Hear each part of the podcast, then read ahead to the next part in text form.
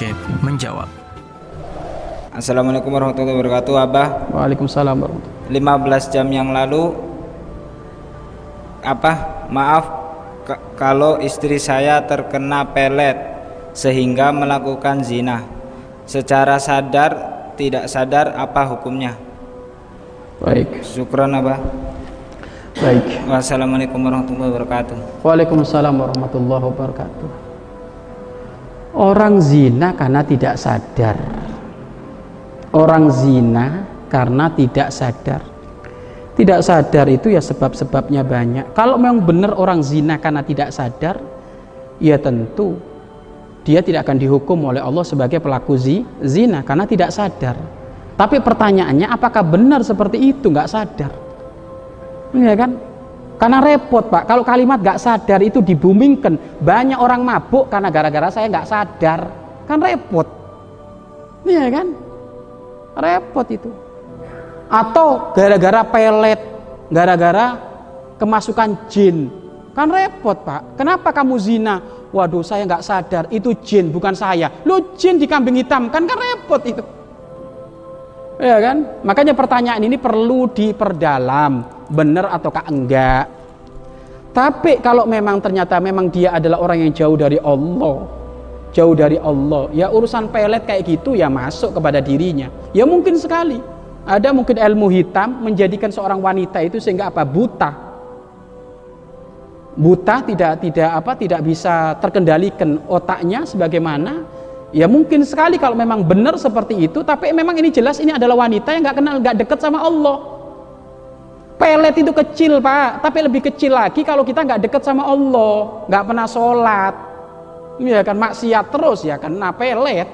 Tapi kalau kita ahli majelis kayak gini ya nggak, ya nggak ngerti lah mana suaminya mana bukan, karena ilmunya yang berkata. Makanya pertanyaan ini menurut Abah unik gitu loh, unik. Maka jawabannya adalah nggak langsung kami jawab itu, kayaknya sesuatu yang nggak mungkin gitu loh. Kenapa? Karena jangan menyalakan hal goib. Kalau menyalakan hal goib nanti repot pak. Orang semuanya nggak sadar, nggak insaf. Iya kan? Kenapa kamu nyuri? Ini yang nyuri bukan saya, karena saya ketampelan jen di kamar mandi Arido. Kan repot. Iya kan? Repot kalau kayak gitu. Ya nggak bisa kalau kayak gitu pak, nggak bisa gitu. Intinya dia adalah jauh dari Allah sehingga mudah ketempelan kayak gini kayak gitu. Bagaimana Pak Ustadz? Kalau memang benar ketempelan benar sehingga dia nggak sadar, ya sudah rufi al kolam diangkat. Nggak dia nggak terkena dosa. Tapi mustahil itu, mustahil, mustahil. Mohon maaf orang tua kami, mohon maaf. Urusan urusan kayak gitu itu ada rasa, ada hal yang menjadikan sebab bangkit. Makanya mustahil nggak sadar. Sadar sekali mustahil. Kalau sadar, ya sudah berarti itu adalah istri nggak ama nggak amanah sudah kalau nggak amanah sudahlah kita bertemu karena Allah berpisah karena Allah karena Allah seperti itu. Jadi kalau urusan dosa kalau urusan dosa kalau memang benar itu kena pelet benar ibu ya kami garis bawahi dia terkena pelet itu menunjukkan dirinya orang yang jauh dari Allah dari Allah. Orang suka majelis dikir orang suka ngaji orang suka sholat berjamaah insya Allah pelet nggak masuk.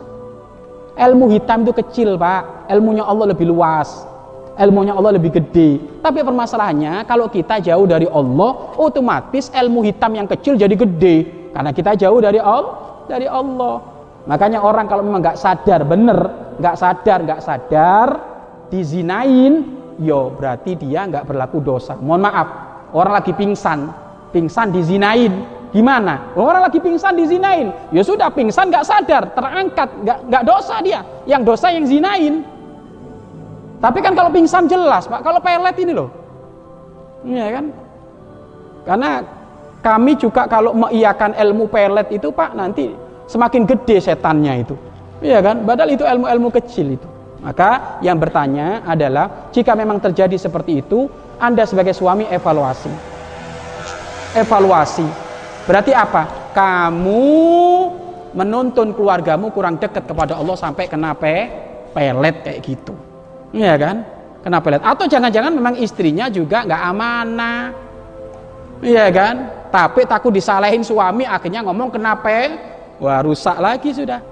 Ya itulah dunia itu seperti itu orang tua kami. Tapi yang jelas makanya saya minta tolong hei pemuda dengerin ini kamu kalau menikah nyari jodoh yang benar kalau enggak nanti musim peletan-peletan kayak gini nanti ini kan gara-gara nyari jodoh di lampu merah ketemu di Facebook kenalan akhirnya nikah. Ya kayak gini nanti.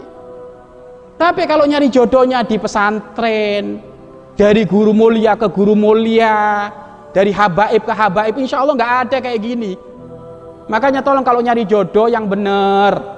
Ya jangan asal-asalan hanya pugu. Oh rambutnya merah. Rambut merah di tengah sawah banyak musan. Eh? jangan kagum dengan itu. Kagumlah dengan ilmunya kagumlah dengan akhlaknya Alhamdulillah Abah itu nggak pernah pacaran. Saya itu nggak pernah pacaran bu.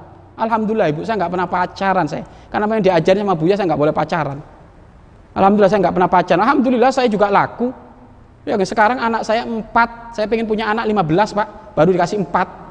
Jadi nggak kurang eh. Yang muda-muda kamu nggak kurang kamu. Nggak pacaran kamu nggak bakal nggak bakal nggak laku. Pasti tambah laku. Jangan gitu. Bahkan orang tua kami mohon maaf. Waktu saya saya mau nikah itu mohon maaf saya disodorkan sembilan wanita sama Buya itu ini bukan wanita-wanita, wanita-wanita remeh, wanita besar semuanya. Barokahnya gara-gara saya nggak pacaran. Saya nggak pacaran. Saya itu paling keras kalau urusan wanita orang tua kami. Makanya sama. Saya di pondok itu juga paling keras. Di pondok kami, Pak, kalau ada laki-laki perempuan surat-suratan tak usir. Kenapa? Mukodima zina itu dari situ, Pak. Gara-gara surat-suratan nanti janjian, malam mingguan. Malam mingguan pulang jam 12 malam, Ibu. Akhirnya apa? Tujuh bulan sudah hamil duluan. Ayo, kalau nggak tegas, ayo. Harus tegas kita. Makanya kami pacaran nggak boleh. Tapi kalau ada santri pengen menikah, tak layanin. Wes, kalau kamu pengen nikah, bener pengen menikah, baik nikah di sini di pondok. Apa yang bakal repot nanti? Orang tuamu nggak usah repot-repot ngeluarin apa-apa. Tak buka bener kalau urusan nikah, pak. Tak ladenin bener. Kenapa? Karena kalau kalau nikah sudah ha, halal. Setelah menikah, ya tetap belajar hafal-hafalan di pondok. Belajar nggak boleh terputus setelah meni setelah menikah wallahu a'lam bisawab